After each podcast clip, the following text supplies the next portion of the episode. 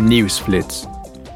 Door de verwoesting en vernietiging van één jaar Russische agressie in Oekraïne heeft inmiddels 40% van de Oekraïense bevolking humanitaire steun en bescherming nodig.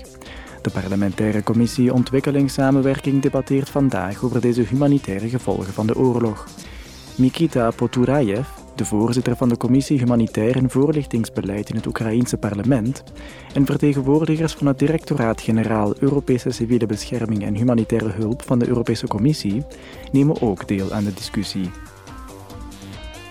De parlementsleden van de contactgroep VK hebben positief gereageerd op het politieke akkoord dat de Europese Unie heeft afgesloten met het Verenigd Koninkrijk over Noord-Ierland.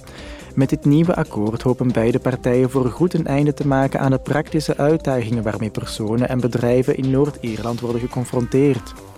Ook wordt daarmee de integriteit van de Europese interne markt beschermd. In de aanloop naar Internationale Vrouwendag op 8 maart verwelkomt de Commissie Vrouwenrechten en Gendergelijkheid van het parlement vandaag parlementsleden uit de nationale parlementen van de lidstaten. Ze zullen samen de rol van gender in energiearmoede bespreken. De Europese Stichting tot Verbetering van de Levens- en Arbeidsomstandigheden heeft vorig jaar namelijk gegevens gepubliceerd waaruit blijkt dat alleenstaande moeders en andere alleenstaande vrouwen meer moeite hebben met het betalen van de energierekening dan alleenstaande mannen. Dit komt vaak doordat vrouwen een lager gemiddeld salaris krijgen en zij vaker laagbetaalde en onzekere banen hebben of in deeltijd werken.